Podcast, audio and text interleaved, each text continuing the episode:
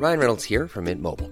With the price of just about everything going up during inflation, we thought we'd bring our prices down.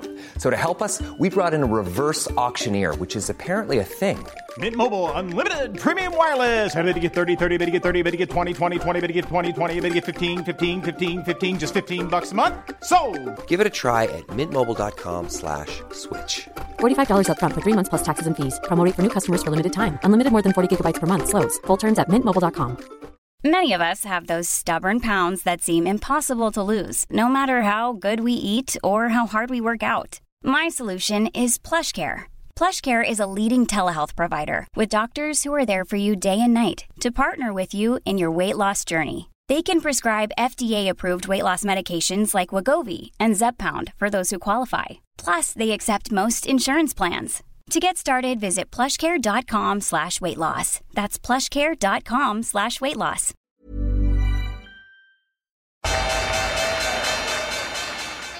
They mistook leverage for genius. Leverage for genius. I would recommend Japan. The governments don't rule the world. Goldman Sachs rules the world.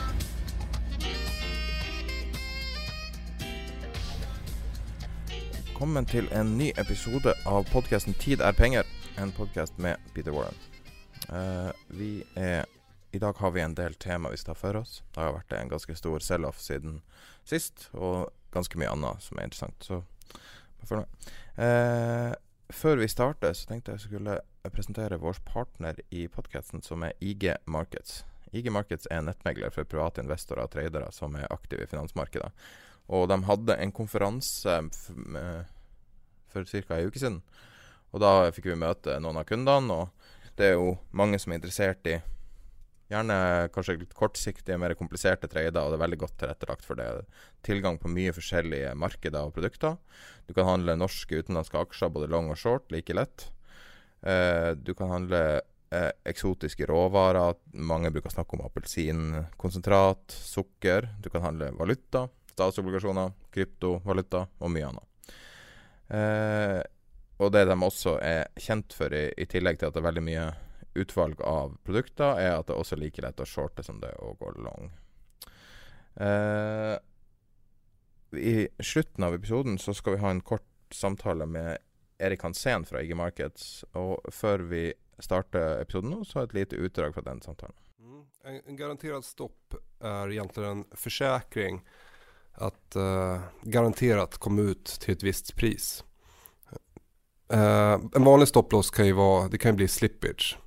Om inte priset handlas på det priset där det vill liksom går ut då. Så, så har, har du en stopploss på, på 100 och inte priset handlas där så kommer du inte komma ut på 100. Men en garanterad stopploss hos IG garanterar att du kommer ut på den nivån. Så IG kommer stoppa ut dig oavsett om inte priset har handlats där. Da er vi i gang. Stor sell-off. Krise, krakk og elendighet. Hva du eh, tenker om forrige uke? Nei, jeg, altså jeg, ser verken krisekrakk eller eh, elendighet i, i, forrige uke. Det var, det var ikke så dramatisk. Um, hvis du Altså, det som jeg tror Det er to ting som får folk til å føle at dette var dramatisk, tror jeg. Det er når eh, flere måneder med aksjeoppgang plutselig viskes bort på et, på et par dager. Det er klart at det er en sånn realitetscheck.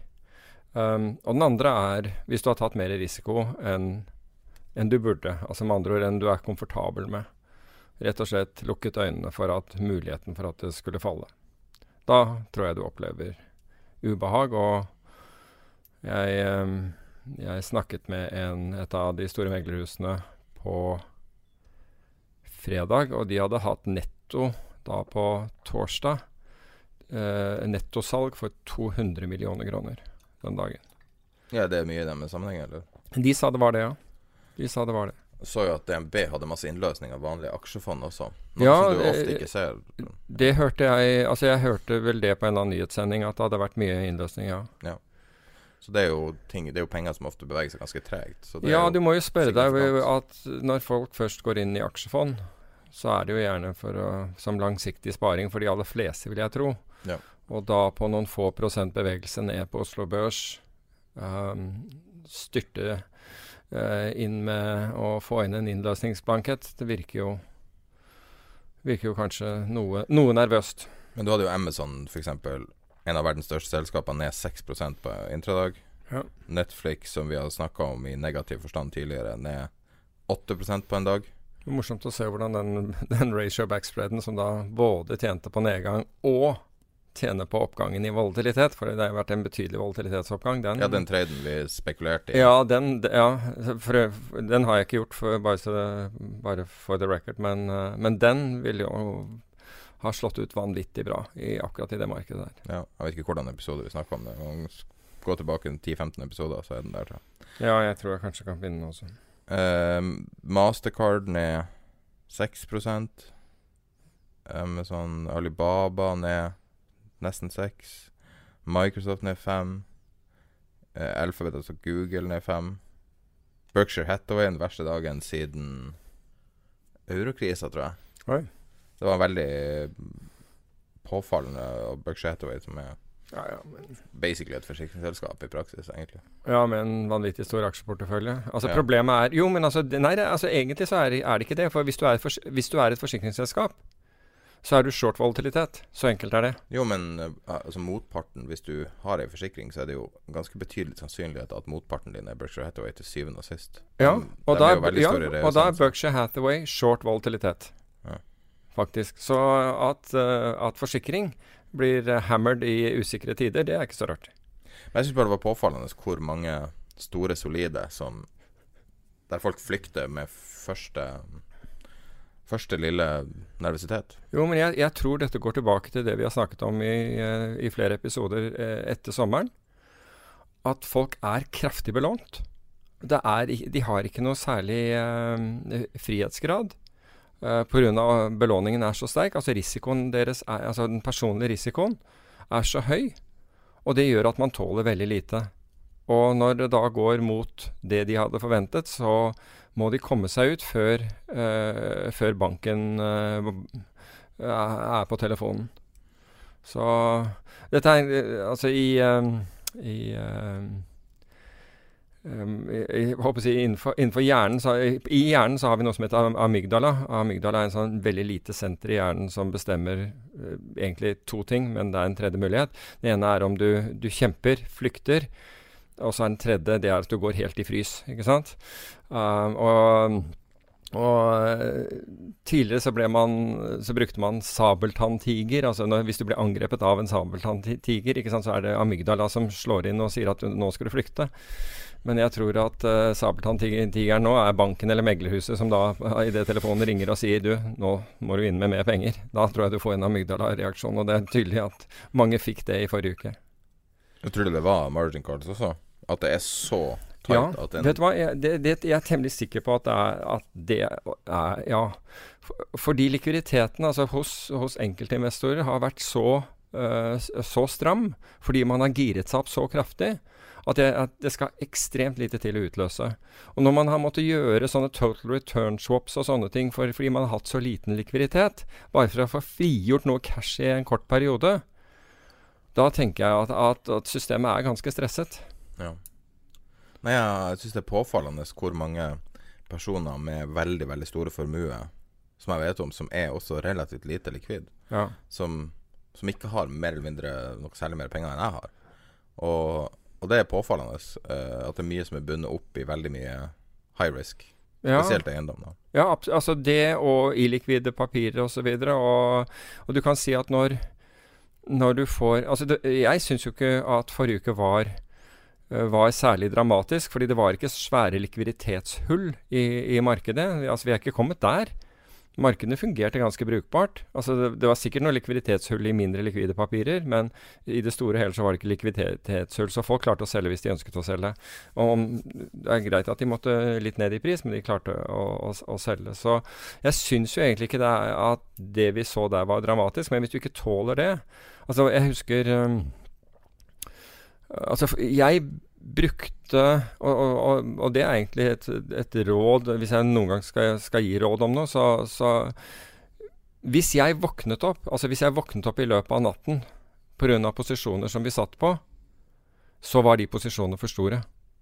Det var, det var tegnet. altså Hvis underbevisstheten min altså tvang meg våken fordi jeg var redd for liksom hvordan markedet ville være dagen etter, så var de posisjonene for store. Når, og de gangene jeg gjorde det, og det er heldigvis ikke fryktelig mange ganger jeg har gjort det, men det har sikkert vært en titalls ganger i løpet av, uh, av karriere, så vil jeg redusere posisjonen dagen etter. Ta en tredjedel eller et eller annet sånt. altså, det, Selge meg ned til jeg, til jeg, sov, uh, til jeg sov uforstyrret. Og, det, og det, er, det fungerte veldig godt.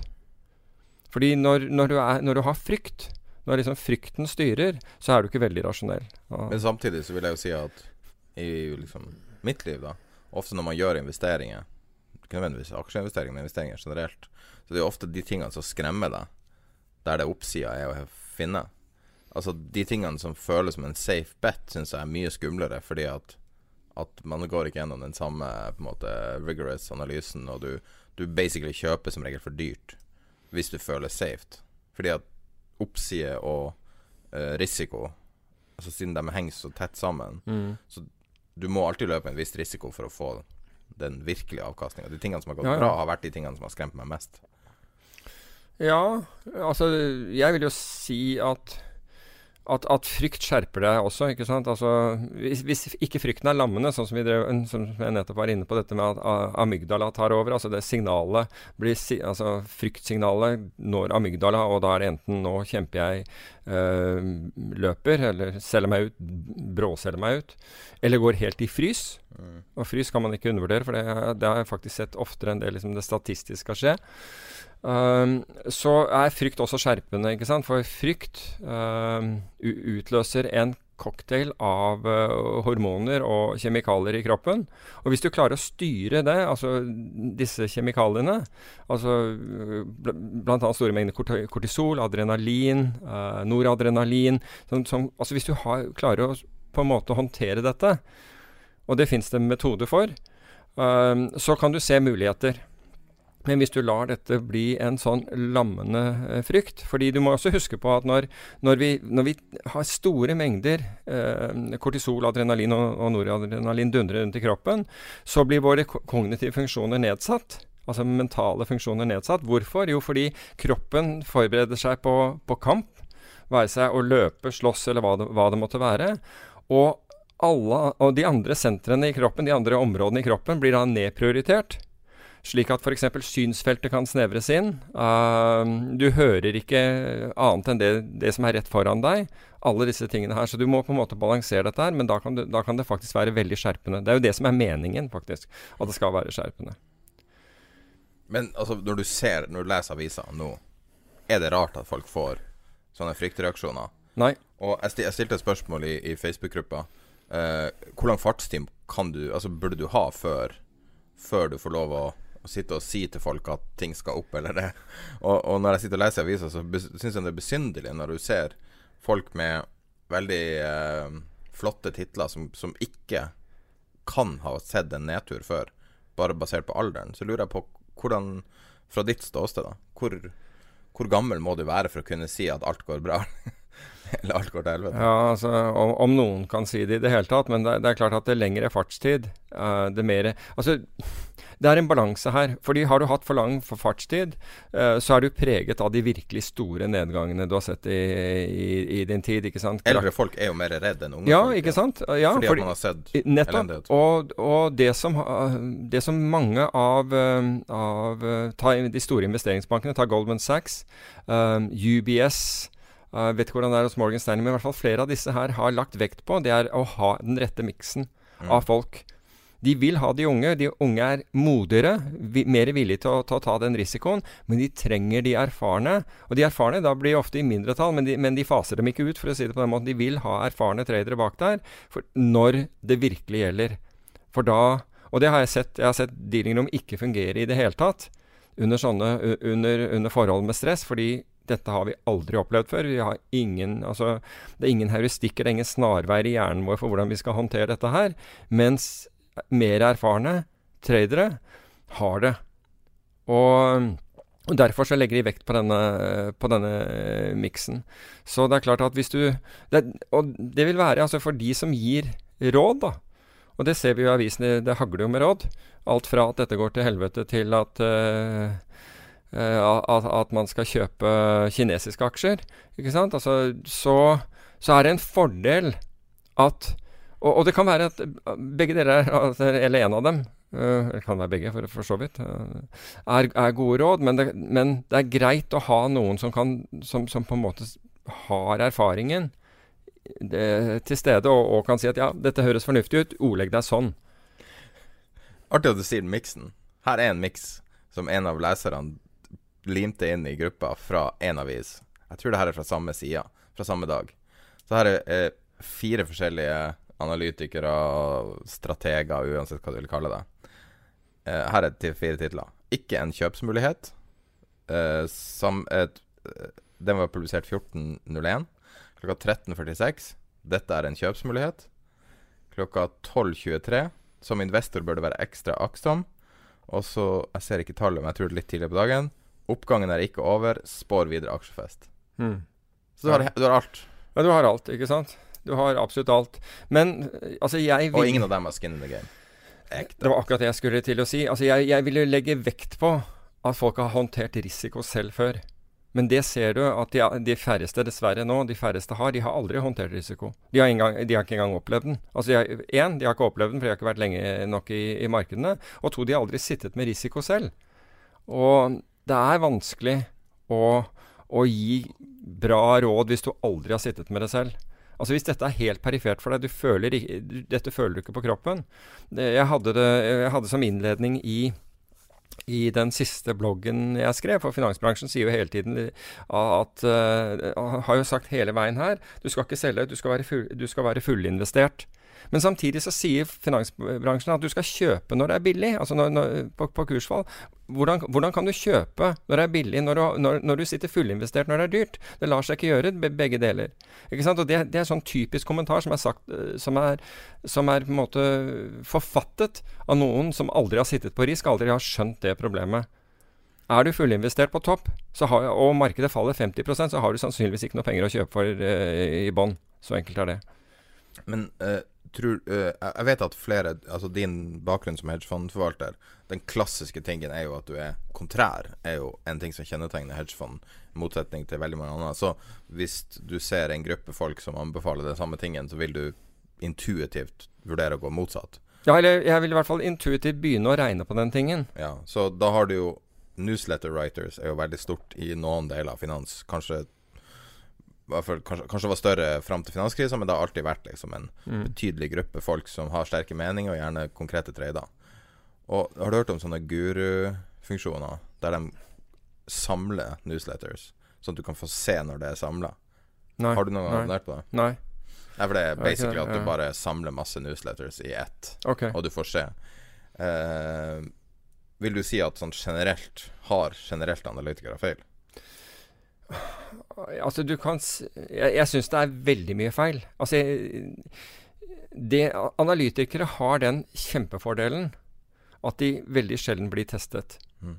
Mens, mens, utenlandske institusjoner, de tester faktisk analytikere. Men altså, da, da, gjør altså de store uh, pensjonskassene og sånt, de faktisk tester rådene de får. Um, for å se på kvaliteten av den. Men det er klart, altså, hvis du hadde sjekket nå, nå bare gjengir jeg, siden jeg ikke leser eh, disse analysene selv, annet enn jeg, jeg ser de sitert i, i, media. Men alt er jo doblingskandidater eller tredoblingskandidater. Det er jo ingenting som er hvor man regner med at denne her kan gå 7-8 For da er jo ingen som er interessert. Men det er jo bare å gå inn på Bloomberg når du ser på analyseoversikten. Så, ser du jo, så, så får du jo se kursmålet som følger mm. grafen. Så ja. det er jo ikke noe vitenskap. Det er jo alltid dobbelt av grafen. Ja, ja. Og det flytter det etter hvert. Ja, så men, det er jo ikke noe Men du kan si at jeg tror jo, og, og, og dette har jeg ment lenge, at, at en vesentlig del av analyse er markedsføring. Ren markedsføring, fordi man skal ha kurtasje, eller man har, vil ha corporate-oppdrag. De, de, henger sammen.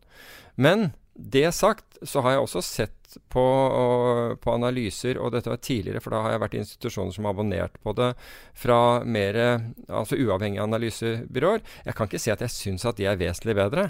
Jeg, altså I hvert fall ikke på makronivå. Um, men jeg har ikke sett alle. Men vil jeg, altså legger jeg vekt på, vekt på det? Nei. Men hvis jeg leser et eller annet, så, så, kan det være at det pirrer interessen min nok til at jeg begynner å sette meg ned og se på det selv. Og da kan det være at jeg er enig eller uenig i, i den, den, konklusjonen, men, det, men da, da, har jeg i hvert fall vært igjennom resonnementet og, og, tenkt på det selv også. Så får man se hva det blir til. Er det mulig at vi får en nedgang når alle etter én dag sier det kan falle 50% her er krise, her er elendighet, uh, 1929, 1987 At når de drar den etter dag én, kan det faktisk falle så mye, eller må vi vente til ingen sier det på dag én? Nei, det vet, det vet, jeg ikke. Altså, det, men tenk på gamle kriser, du. Når det har falt, ja, men, men du kan si at de, de, fleste, de, de, fleste, kriser For det første, eh, altså, når, når, folk oppdager at de er i kriser, da har de vart en stund, altså. Ja, det, men det er det jeg mener. Altså at, at vi, jeg føler at f.eks. journalister som, som skriver Dagens Næringsliv, veldig mange av dem jobba i, i 2007-2008. Mm. I hvert fall ledelsen er jo stort sett den samme som den var da. Sånn at folk har det der fortsatt. Ryggmargsrefleksen og sitter bare og venter på at det skal komme og driver hele tida og minner på. Og, og, det var jo ikke noe særlig Twitter i 2008 eller før det. Uh, og nå så sitter alle liksom på, fra minutt til minutt i den finansdelen av Twitter og prøver å se når kommer neste krise. Og så har du alle dem som skriver newsletters som sier å, krise Og dem, dem elsker jo krise fordi at det er selv nyhetsbrev. Ja. Spørsmålet er må man vente til at dem har gitt helt opp før den virkelige krisa kan komme. ja, det er, jo, altså, det er, jo, et gammelt ordtak om at når, når den siste pessimist har blitt optimist, så, så da, da skal du i hvert fall selge. Og, det, og, den tror jeg på. Den tror jeg på når du ser folk bare gir opp. Uh, og det, det fins det gode eksempler på. Det fins mange eksempler på hvor folk rett og slett altså, har vært negative i en lang tid. Og så har de gitt opp, og så ser du av resultatene deres at nå har de gått lang aksjer igjen. Og da er det klart at det er jo et som regel veldig dårlig tegn, dessverre. Men, men det Altså I min tid, altså selv krakket i 87, det var ikke som vi blitset ned u, altså fra all time high. Uh, så våknet vi 25% ned. Du fikk klare altså Markedene marken hadde rullet over. Markedene hadde begynt å se, se sårbare ut en, en, god stund. I, I, dette tilfellet så Altså Jeg sammenlignet Jeg var, jeg var gjest på, på, på Nordnett sin podkast her i, i, i forrige uke men den kommer faktisk ut etter denne. Men uh, hvor, uh, hvor, hvor, På vei dit så, så stopper jeg på på rødt lys, står på rødt lys, og så ser jeg folk stå på, på fortauet. Og de står da og lurer på å, rekker jeg, rekker jeg, rekker jeg å løpe over før bilene får grønt. Og det er morsomt å se, for det lenger du står, det, kort, det nærmere er du, er du faktisk at bilene akselererer. ikke sant, At, at bilene får grønt. Og selvfølgelig er det en fyr som da løper ut. Da får bilene grønt. ikke sant? Og, og det er jo litt sånn, altså det lengre du venter med å ta hensyn til på en måte Det lengre du vil tøye strikken, det mer sjanse er at du blir skadet. Det er jo sånn det er. Det er jo på en måte naturens lov. Det er en grense for ting. Jeg skulle bare ønske at det hadde samme regularitet. Men tenk deg, altså dette med, med med, med trafikklys, de har jo en, en, virkelig regularitet. ikke sant? Du kan stå der og telle sekundene, så vet du nøyaktig hvor lang tid det tar. Det gjør du ikke i finansmarkedene. Og selv når du vet nøyaktig hvor lang tid du tar, så er det en, er det en eller annen som, som, står der og står der og står der og venter og løper ut i siste sekund. Go figure! Ikke sant? Go figure. Veldig bra, veldig. Ja, jeg syns også det, den kom til meg, den der når jeg så den, tenkte det er akkurat sånn markedet er. Folk står der og venter og venter og venter, og du Ikke sant? Det tikker ned. Det er alltid en ting jeg stusser veldig på når man har en bear-tese, og så er det noen som er positiv. Og så sier de Så har du en eller annen forutsetning. Du sier at et eller annet At uh, lønnsveksten i Norge har ikke vært uh, en brøkdel av boligprisveksten, og at du må jo betale mm. boligen med lønn til syvende og sist. Så på et eller annet tidspunkt må jo de gå tilbake i en eller annen, en eller annen uh, med, liksom mer korrelasjon. Mean reversion. Mean reversion. Ja, nettopp. Eh, må falle tilbake til å, å, stige i samme tempo, eller kanskje falle ja. enda mer. Og så sier du det, og så sier folk Så går det et år, og så, sitter, så har du for eksempel sagt i avisa, som noen analytikere har gjort de siste årene, og så sier alle 'Å, for en idiot du var', fordi at det skjedde ikke. Men det er jo akkurat det du beskriver nå. Mm. Det eneste som har skjedd, er at du er nærmere at det blir grønt lys for bilene. Ja. Fordi at forutsetningene er de samme. Så lenge det har skjedd, ja. eller ikke, er jo likegyldig. Vi har, nettopp. Altså, og Det er poenget mitt. fordi Hvis du så i forrige uke, så, så fikk renteoppgangen i USA skylden. Altså, Det har vel knapt vært en mer annonsert renteoppgang. Altså Hvor Fed har helt klart sagt hva de har tenkt å gjøre, og hvordan de har tenkt å gjøre det, hele greia. Og så begynner man å nå å, å, bruke det som unnskyldning. Altså, du, du, kan ikke bruke det som unnskyldning når, når, det har vært kjent og ligget foran deg hele tiden.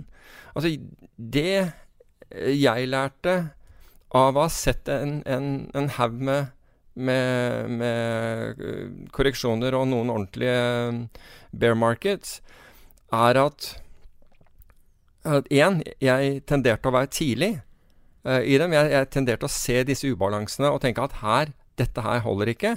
Slik at jeg ville begynne å, å, å på en måte enten komme meg ut av markedet eller, eller gå short egentlig for tidlig. Og det, finanskrisen var, var, den samme. Skjedde det samme. Den, der hvor jeg var på en måte virkelig heldig, men det hadde noe med konstruksjonen av handelen å gjøre, måten jeg la det opp på, var i, uh, i .com. For der, der, hadde jeg akkurat etablert posisjonen når dette gikk ordentlig gærent. Mm. Uh, og det er liksom en, en virkelig sjeldenhet. Uh, men, men, det var bare pga. mulighetene som ga seg, posisjoneringen uh, som var mulig, på en måte var, var en gavepakke. Så poenget mitt i hvert fall var å ikke posisjonere Altså du kan ikke posisjonere deg sånn at du ikke tåler noe i den motsatte retning. Altså Se på short-selgerne, uh, bl.a. Uh, apropos i, i, Tesla, da. Som Altså, ingen visste at han skulle komme med det der 420-bud-storyen. Men som, som ble, det, er, 15 investorer, 15 institusjoner, som har nå gått i sak mot, mot uh, Musk pga. det. Som ble, ble, og den som hadde tapt mest, tapte uh, hva var det 15 millioner dollar. Poenget mitt er å ikke Altså, det hjelper på en måte ikke om du har rett hvis du, hvis du ble stoppet ut på forhånd. Ja, hvis du har en dårlig konstruert trade. Dårlig konstruert trade. Og din Tesla-trade, hvis vi vil gå tilbake og høre ja. hvordan du lagde den, er jo laga nettopp for å for, tåle en opptur. For å, ja, ikke sant. For å tåle opptur. Og det var det jeg lærte av det. Det var uh, hvordan jeg konstruerte disse handlene. Slik at, at hvis markedet fortsatte oppover, og, og, altså, at det ga meg rom mm. for å ta feil. Altså Rom uten at jeg tapte noe særlig penger. Helst ingenting hvis jeg kunne, hvis jeg kunne unngå det. F.eks. at markedet fortsatte oppover 5-6 til, eller et eller annet sånt. Da kunne jeg reetablere. Men det, det, jeg har et legitimt spørsmål om aksjeinvesteringer. Hvis man kan scale inn via opsjoner inn i aksjeinvestering, er ikke det en mye mer fordelaktig måte å gjøre det på? Nei, hvordan vil du skreie inn gjennom opsjoner? Hva, hva, tenker du på da? Altså, du, uh, det er, det er, altså, jeg vet om et fond, et, et, et uh, amerikansk hedgefond, som på en måte gjorde altså Det de gjorde, var å skrive put-opsjoner. Ok, Så de skrev eh, De utstedte salgsopsjoner. Så la oss si at uh, kursen er 100 i dag, bare for å ta, ta enkle tall. Så var de sånn at de var kjøpere av markedet. Hvis, eh, men hvis aksjemarkedet falt 10% så da, da, de, da, ønsket de faktisk å kjøpe. Okay? Men de hadde ikke så lyst til å kjøpe her på 100. og så gjorde de det samme på 80 mm. og, og, og, 70. Så det som skjedde da, var at så de, det de gjorde, var utstedte put-opsjoner med innløsningskurs 90, 80 og 70. Okay? Ja. Så det som da skjer hvis ingenting skjer, så har de premien på de put-opsjonene. Okay? Så hvis dette var énmånedsopsjoner, da, var sikkert litt lenger enn det, men i hvert fall tre måneder. La oss si tre måneder. Ingenting hadde skjedd på tre måneder, hadde ikke falt til, til, til, ned til 90. La oss si det hadde stått stille. De tjente penger. Da fikk de premien, da kunne de bokføre den, den premien. Da utstetter de nye. ikke sant? Hvis markedet hadde gått opp, så utstetter de tilsvarende litt høyere. Og, dette, og det, det, som var med denne, var at hvis du så på det vi kaller equity-kurven, altså uh, utviklingen til, til fondet, så var jo det veldig, veldig jevnt. Det så veldig, stikket veldig, veldig jevnt oppover. Og, og, det som folk gjorde da, var at de begynte å regne, altså statistisk eh, sånn, De så at volatiliteten var veldig lav. Hadde jo inntekter hele tiden. Det var ikke tilsvarende markedet, fordi markedet steg kraftig. En periode, i hvert fall. Men det hadde, så volatiliteten var lav, så tenkte ok, her har du en god sharp ratio, ikke sant? Eh, tilsynelatende. Og så jeg, jeg, tror jeg opplevde én gang hvor, hvor de, de, de, det slo inn, og de fikk kjøpt aksjer på 90, og markedet gikk opp igjen. Fordi de på, ble påsolgt aksjer på 90 siden de hadde solgt disse opsjonene. Men så kom da den dypere krisen, ikke sant? Finanskrisen. Og bom, så er det borte. Mm. Ikke sant? Fordi det var fint å kjøpe aksjer på 90, 80 og 70, men ikke når det var på 50. Ja. Ikke sant?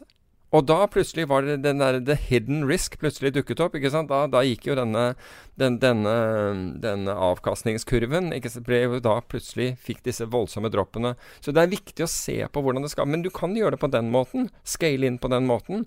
Men jeg kan love deg at når markedet er på La oss si at du du har uh, utstedt put-opsjoner som gir deg retten til å kjøpe Oslo Børs 20% ned. Da. Men hvis Oslo Børs er 40% ned altså det, det virker som en kjempedeal nå virker kjempedeal å få kjøpt aksjer 20% ned. Men hvis vi da, hvis vi da er liksom 40% ned, så virker ikke den dealen eh, særlig smart. Men det- altså, da er det du som- livredd. Men da kan du jo også bruke time decayen til din fordel. Litt, eh, Ja, men time decayen er til din fordel hver eneste dag. Men, Ja, men men, men, kort- du får to ja, kort, ja, øh, horisont. Ja, men du, du må også huske at kort horisont gjør at du får mindre inn, mindre premie. Og når det først begynner å, å, å falle, så får du betydelig gamma. Altså disse opsjonene blir voldsomt mye verdt på veldig kort tid. Slik at hvis du gjør mark to market Altså hvis du gjør mark to market hver måned, så skjuler du på mye, mye av uroen. Mm. Men gjør du verdsetter du dette hver dag, da blir du fort skremt, altså. Ja, jeg, grunnen til at jeg spør, er at jeg har aldri sett eh, akkurat hvordan de gjør det. Men jeg vet at det er veldig mange hedgefond som nettopp når de har langposisjoner, gjør Altså scaler via, via opsjonsposisjoner. Ja, men det er ofte sånn for å skjule uh, hva de holder på med, tror jeg. Altså sånn, Fordi de har ikke lyst til å få, få inn aksjer på Altså mm, at Du ser hvordan det er her i Norge. altså Hvis eh, noen av bjellesauene kjøper tre aksjer, så er det jo i, i media og med en gang. Så de har ikke lyst til på en måte å, å, å vise, uh, vise hva de gjør, og da kan det hende at de bruker opsjoner for å gjøre det. Ok.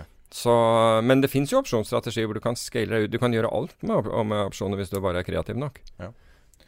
Det var bare et innfall her. Mm. Eh, du nevnte Fed, forresten. Det er jo ganske vane for presidenter å kritisere Fed.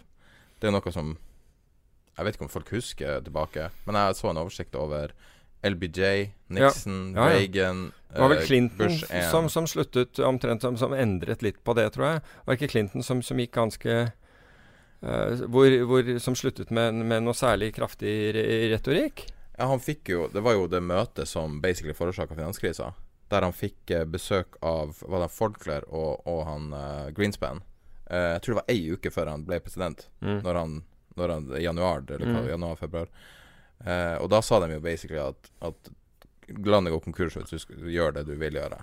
Så det du må gjøre, er å slippe markedene fri, så kan du gjøre hva du vil. Da kommer du til å se fantastisk ut. Mm. Og da begynte han å deregulere litt. Grann, og den dereguleringa så vi resultatet av 2008. Er Ja, altså Deregulering til Clinton var jo blant annet eh, å å kansellere Glass-Steagall Act, vel, hvor, hvor um, hvor Altså, det er forskjellen mellom investeringsbanker og, og banker. Han, han utraderte den der forskjellen, slik at eh, investeringsbanker kunne bli banker, og banker kunne drive altså mye, mye kraftigere investerings... Altså Jeg mener at det var tradingvirksomhet. noe knytta til derivater også, men jeg husker ikke. Ja, det kan godt hende. Men Glass-Steagall ble vel opphevet av, eh, av Clinton, så, så vidt jeg husker. Mens den nåværende presidenten, hans beste argument er, for dette er eh, I'm a low interest kind of guy. Var, eh, ja, det, det skjønner jeg jo med den gjelda han har, så er han jo det. det, det, det. Kan vi snakke om den artigste teorien om hvordan verden går under? Jeg nevnte, nei. den, til deg. jeg nevnte den da vi var på den IG-kvelden, så vet, jeg vet ikke om du hørte det? Nei, var det? Ehm, eh, han ehm, eh, Han som skrev Liars Poker eh, Michael Lewis. Ja, Michael Lewis har jo skrevet en ny bok nå som er litt mer politisk. Eh, jeg leste noen utdrag. Det var Hva heter den? Var det den som Jeg sendte deg noe, det var et utdrag, husker jeg. Jo, men Det var liksom politisk knytta til uh, departement som er Mulig jeg har sagt det i podkasten før, det føles kjent ut. ja, altså, jeg, jeg leste jo en nylig nå som um, du kunne faktisk laste ned gratis. Ja, det var. et utdrag fra boka. Akkurat. Um, så det var en del av The. Coming Storm, det. Ja, det, det er det den heter. The Coming Storm. Ja. Uh, hvert fall, og, og da var, fikk han spørsmål i intervju på NPR. Mulig jeg har sagt det i forrige episode, jeg vet ikke. Tar det kjapt. Tror ikke uh, det? Eh, og da sa han eh, Ja, hva, hva er, har du noen forventninger, du som har skrevet så mye bøker om økonomi og har vært med på masse kriser, og skrev om forrige finanskrise, veldig bra bøker, Boomerang, og, og da eh, Og da sa han at han likte ikke predictions fordi at det er så kjedelig, alle liksom kommer med det samme, og det er artig å komme med en crazy prediction, så hvis, den, hvis du har rett, så virker du som en helt sånn eh, totalt eh, profet. Så han sa at Donald Trump har i, i, sin, i sitt liv defaulta mye. Han er en default kind of guy. Han har defaulta fire-fem ganger. Mm. Og veldig uforutsigbar og forstår ikke økonomi. Så han sa at det var en, han mente det var en reell risiko for at midt i en diskusjon så kom han til å nekte å betale eh, et eller annet avdrag på eh, Treasury eh, Altså eh, På Treasuries. statsgjelden? Ja. Og så bruke det som et eller annet våpen, sånn helt sånn vilkårlig bruke det. Og da teknisk defaultet på gjelda. Jeg liker den, for jeg har aldri hørt noen si noe lignende. Nei, altså det var jo en periode i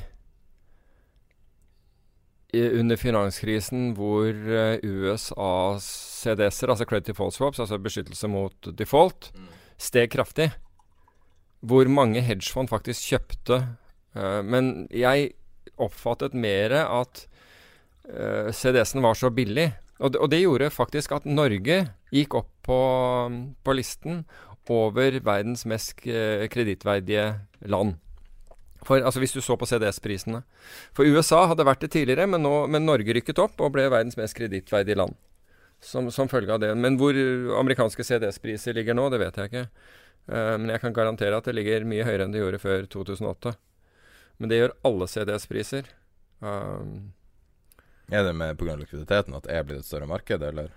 Nei, altså, det, vet du hva. Altså, det, det er pga. at alle at, skjønner nå at det var at risikoen var priset helt feil den gangen.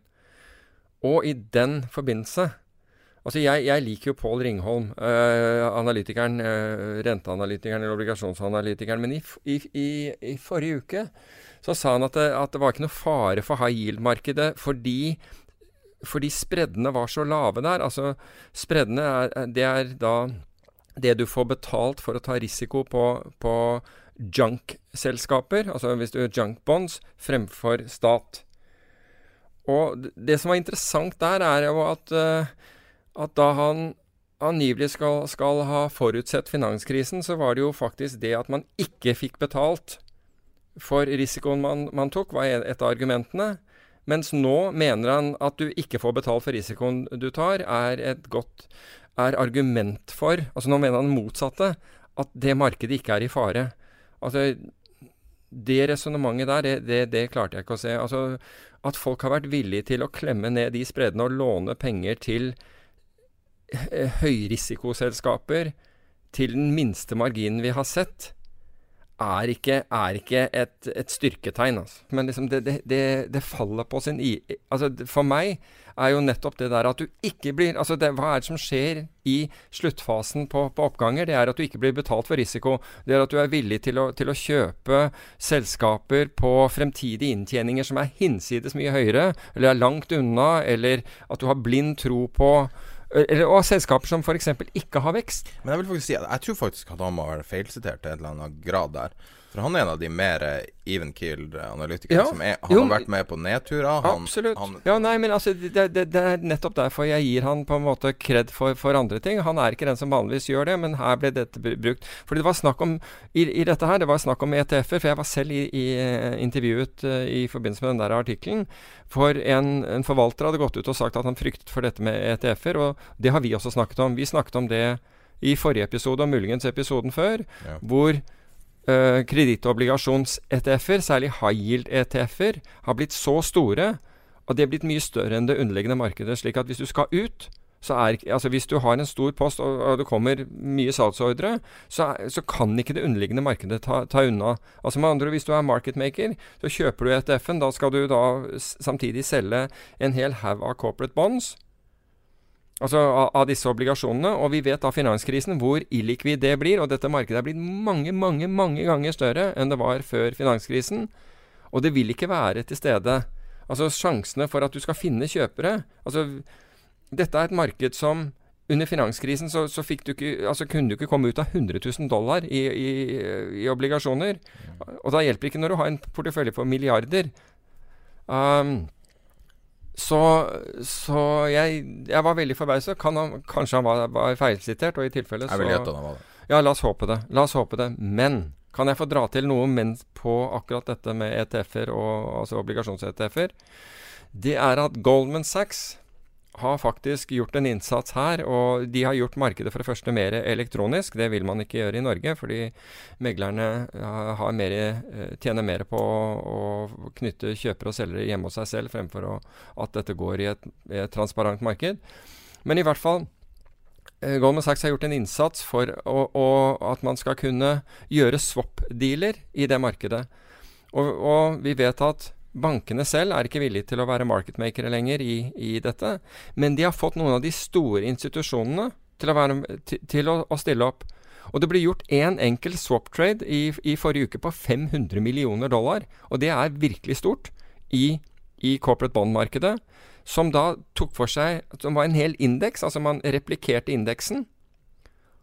Og gjorde det som en indekstrade, altså som en sånn basket trade. Sånn som man gjorde tidligere, i, eller gjør fortsatt for øvrig i aksjer. Altså indeksarbitrasje. Og kjøperen her var Allied, Allied Bernstein, som er kjempestor uh, forvalter. Og som de sier, hvorfor stiller de opp? Jo, de stiller opp fordi de får mer um, de, de, de, får en merverdi ved å gjøre det. Med andre ord, hvis indeksen er 100 da, i øyeblikket, så er ikke de villige til å kjøpe på 100. La oss si at de er villige til å kjøpe på 98,5 eller 98 eller noe sånt noe, for 500 millioner. Så nå har man da fått, uh, fått noen av disse store til å så nå bare håpe at de store ikke må ut, men noen av de store til å, til å stille opp, og gjort det markedet i hvert fall noe mer likvid. Det gjelder ikke da det norske high yield-markedet, fordi der er det ikke noe tilsvarende indeks eller, eller risktagere i det hele tatt. Eller interesse, sannsynligvis. Ja, det, vet, ja, ikke sant? Altså, det er ingen som bryr seg om annenhåndsmarkedet når, når, når, det faller. ikke sant? Altså, Meglerne tjener på, på utstedelse av disse, og arrangerer utstedelse av disse obligasjonene. De tjener veldig lite på annenhåndsmarkedet. Jeg syns det var interessant det han sa om, uh, fra Alliance Bernstein. Uh, We're using the ETF ecosystem to move blocks of risk around. Det var ganske bra. Ja. Det er ganske bra Du får skikkelig utility av børsnoteringa. Ja, ja. Det er lett å gjøre det. Ja.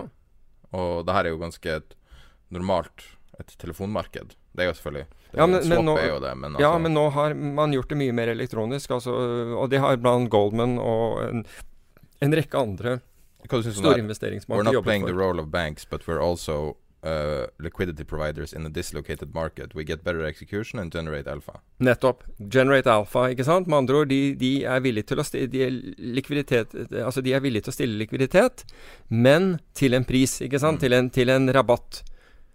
Uh, og det er fornuftig for dem. ikke sant? De, de skal være long dette her. De, de skal ha har rentepapirer, så de er villige til å gjøre det, men de gjør det til en rabatt. Men det er klart at hvis du skal ut med 500 millioner dollar, og forsøker å hitte hver, hver eneste underliggende obligasjon, så sliter du. Så sliter du virkelig. Men hvis du kan få gjort det som én blokktrade, hvor en eh, sier vet du hva, ok, markedet handler 100, 98,5 for, for 300, eh, de andre tar jeg på 98, ja da er det kanskje en god, god deal. Da er du ute, altså. Det her er litt sånn det som man har lovd med blockchain, at det skal bli så lett. Kanskje ETF-er er minst like bra. Børsnoteringer har, ja. har noe for seg. Ja. Vi kunne ta turen over i blockchain også mens jeg while we're on the roll, men jeg vet ikke om det passer inn i, i programmet. Uh, jeg tenker på den fra, med Yale. Ja, altså det, som, altså det har jo skjedd en del i kryptomarkedet. Altså For det første har volatiliteten kommet uh, kraftig ned, i hvert fall når det gjelder, når, når det gjelder bitcoin. Når starta det? Det var vel ett spesifikt øyeblikk. Hvor uh, volatiliteten kom ned. Når det var mulig å shorte? Nei, da gikk jo volatiliteten opp. fordi det første som skjedde, var jo at det dundret til nedsiden. ikke sant? Så det økte jo volatiliteten akkurat da. Det var jo i februar. ikke sant? For, Men den absolutte volatiliteten må jo ha vært høyere før? Nei, ikke sant. Hvis du, hvis du har Det vet jeg ikke. Jeg tipper at uh, umiddelbare volatiliteten i de nærmeste Altså frem til bunnen i februar, og det er først etter det Det kommer an på hvor, hvor lang periode du måler volatiliteten over. Husk på volatiliteten hvis noe går gradvis oppover. Nå har det gått gradvis oppover i en stor hastighet, men allikevel, hvis hvis, hvis, hastigheten er noenlunde konstant, så, for, så, så, faller volatiliteten. Hvis du ser på chartet, på ettårschartet ja. på bitcoin, ser det ikke ut som oppsida kommer fortere enn nedsida kommer? Jo, jo, men, jo det, den gjør nok det, men du kan si det er mye mer turbulent enn den nedsiden. Så, okay. så, du kan si at hvis hastigheten er, noenlunde, hvis hastigheten er kon konstant, så går volatiliteten til null. Bare så det er sagt. men fra mai? Så har det ja, vært lav. Ja, har i hvert fall lavere, ikke sant, og, og, og, mye lavere. Og det vi ser er jo at uh, en rekke hedgefond har kommet inn, men så har også en rekke interessante investorer uh, kommet inn. Og den ene tror jeg vi har snakket om tidligere, det er Steve Cohen, altså SAC Capital tidligere. Nå Point 72, og det husker ikke i farten hva er det Oceanwood det heter? Nei, jeg husker ikke hva det siste fondet hans heter. Men han har gått inn i Autonomous som drives av Ariana Simpson, som jeg mener har uh, Satt ikke hun i styret i Google eller noe sånt, men i hvert fall uh, en, en, en, veldig smart uh, dame. og så har du Yale nå.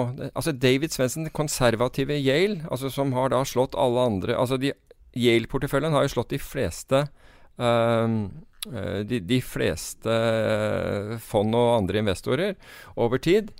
Og de har gått inn i Paradigm, og Paradigm er da et hedgefond som, uh, som uh, på nå 400 millioner dollar, som uh, investerer i blockchain. Backa av Andreessen Horowitz. Hva sier du? Backa av Andreessen Andreessen tror jeg. Ja, mulig det. Mulig at de også er med. Smarte folk. Ja, ja, det, ja, ja. Men alle disse her altså, Så nå har du tre som er i, i blockchain. Du har da Autonomous med Ariana Simpson. Du har Pantera med Dan Morehead, som, som kom fra, fra Tiger Management i sin tid. Uh, med Julian Robertson og den gjengen der. For øvrig er det en fra Pantera som er i Paradigm. Altså er en av de tre uh, uh, stifterne av Paradigm som, som, Yale har gått inn i. Så det er mye som skjer der. Men det som er enda mer interessant, det er jo at både shippingindustrien og råvarer og råvareindustrien har begynt å bruke blockchain. Og det siste nå er var, var dealer, Nå hadde man funnet ut ved å bruke og nå er det fysisk eh, råvarehandel vi, vi, snakker om.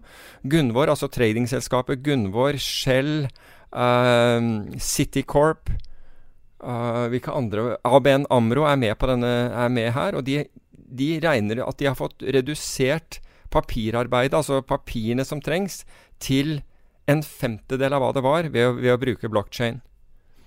Uh, AP Møller bru, har brukt det i, i forbindelse med, med, med, shipping. Så mye skjer faktisk i den, i den sfæren. Det er bare at du hører, hører ikke om det fordi, fordi, volatiliteten er lav i bitcoin, og det er ingen som på en måte bryr seg. Men det interessante er at vi har skrelt ut alle gærningene. I hvert fall mange av dem. Jeg er fortsatt med. Men, uh, men også har man fått inn virkelig, en del av de virkelig seriøse investorene her. Og så er det også artig å se. Du ser, navn, du ser navn som du kjenner igjen. Det er ikke lenger de her vanvittige Altså de vanvittige left field. Sequoia-folk. Mm. Uh, Andreessen Horowitz. Uh, du har uh, X-Google. Obligasjonsutstedelser har vært gjort hvor man har brukt blockchain. Så det er en del som Det er altså ting som skjer innenfor, innenfor den, om men du det, vil, kryptosfæren. Men det er business. Det er ikke pur spekulasjon nei, nei, det er business. maskert som teknolo eh, teknologi, liksom. Nei, nei, nei, nei Som altså, det var i fjor. Nei, ja, helt riktig. Og begynnelsen av året. Nei, det er helt riktig. Så, Folk så, snakker om at det var så fantastisk, men de ville jo bare at de skulle bli rike. ja. Altså, så det det, det er, kommet noe Altså det, Noe er, godt er det kommet ut av, ut av dette her. Når Altså, investorer som er kjent for å, å bruke mye tid til å, å, å tankevirksomhet, før de gjør noe, ta type Yale, eh, går inn, så har jo det klart fått oppmerksomhet. Hvorfor er det så dyrt å gå på Yale når Yale har 30 milliarder? Jeg vet ikke. hva, er det, hva er det du betaler for det? Altså, jeg vet ikke. Fordi, fordi, fordi, de kan ta de eh, prisene, antar jeg? Jeg, det var en diskusjon, heftig diskusjon rundt uh, et sånn mer sånn uh, tema som man ofte bruker å finne i sånne magasiner som Dine penger og sånn, i Facebook-gruppa. Så du det? Om han som hadde lurte på om han skulle betale lån på leiligheta, som var relativt uh, nedbetalt. Eller om han Det her var også da før den siste nedturen, men uh, Eller om han skulle kjøpe i brede aksjefond, altså ja. indeksfond. Mm, jeg så den.